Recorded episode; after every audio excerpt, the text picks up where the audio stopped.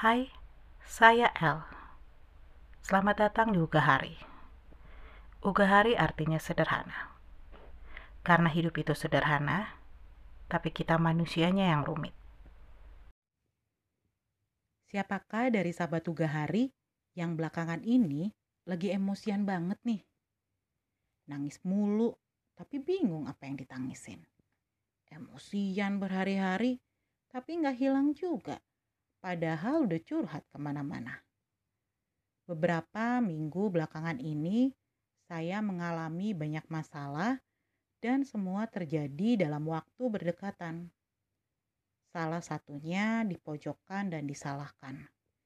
Seakan-akan kesalahan yang saya lakukan sangat fatal. Sampai akhirnya saya bingung. Apa iya ya saya yang salah? Lingkungan kita memiliki kecenderungan mencari kambing hitam karena karakter yang tidak mau mengakui kalau diri sendiri yang bersalah. Mengalami pengalaman ini benar-benar membuat saya tertekan dan tidak dapat melakukan fungsi saya sehari-hari. Sampai akhirnya saya menonton sebuah tayangan di YouTube, wawancara dari Marshanda. Dia mengatakan bahwa saat kita merasakan emosi, kita harus memberi nyama daripada menahan dan malah menguburnya agar tidak keluar.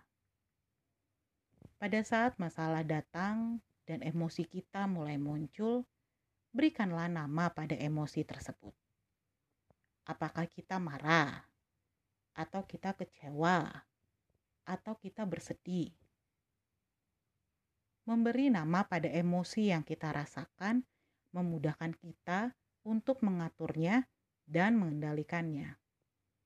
Pada saat saya dipojokkan dan tidak dapat membela diri, saya coba cerita pada teman-teman terdekat saya. Tapi emosi tersebut tidak juga hilang. Saya tidak merasa lega. Walaupun sudah banyak teman yang saya curhatin masalah tersebut sambil marah-marah. Hingga suatu malam setelah saya menonton tayangan YouTube tersebut, saya mengambil waktu tenang dan men-turn off semua sosial media saya. Saya mulai mengulangi kejadian saat saya disalahkan dan dipojokkan, lalu mencermati setiap emosi yang saya rasakan. Ternyata saya bukan sedang merasakan marah atau jengkel, tapi saya sedang merasakan kecewa. Dan saat saya menyadari emosi kecewa tersebut, saya menangis dan perlahan merasakan kelegaan. Makin hari hingga kalian mendengar episode ini, saya sudah tidak lagi merasakan emosi apa pun untuk masalah tersebut. Mungkin sahabat Tugari merasa aneh dengan kegiatan menamai emosi karena kita terbiasa dan dibiasakan untuk mengeluarkan atau mematikan emosi tanpa mengenalinya.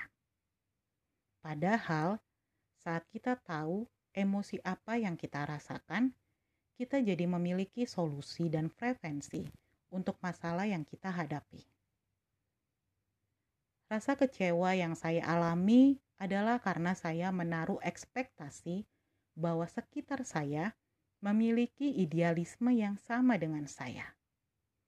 Naif memang, tapi demikian saya selalu dipesankan oleh ibu saya bahwa setiap manusia itu baik pada dasarnya. Berangkat dari masalah yang baru saya alami, saya jadi mengurangi ekspektasi saya terhadap orang di sekitar saya untuk meminimalkan kekecewaan yang mungkin akan terjadi kembali. Sekaligus melepaskan emosi kecewa saya karena hal yang bukan berada di bawah kendali saya. Jika beberapa waktu belakangan sahabat Ugahari merasakan adanya emosi yang tidak kunjung reda, mungkin kalian dapat mencoba cara yang saya lakukan. Mengamati emosi yang ada dan memberinya nama. Lalu, kalian dapat mencari solusi dan pencegahan agar emosi tersebut dapat kalian kendalikan karena kalian sudah kenal bentuk emosi yang kalian rasakan. Semoga di mana pun sahabat Uga Hari berada saat ini, kalian selalu sehat, baik secara fisik maupun mental. Salam Uga Hari.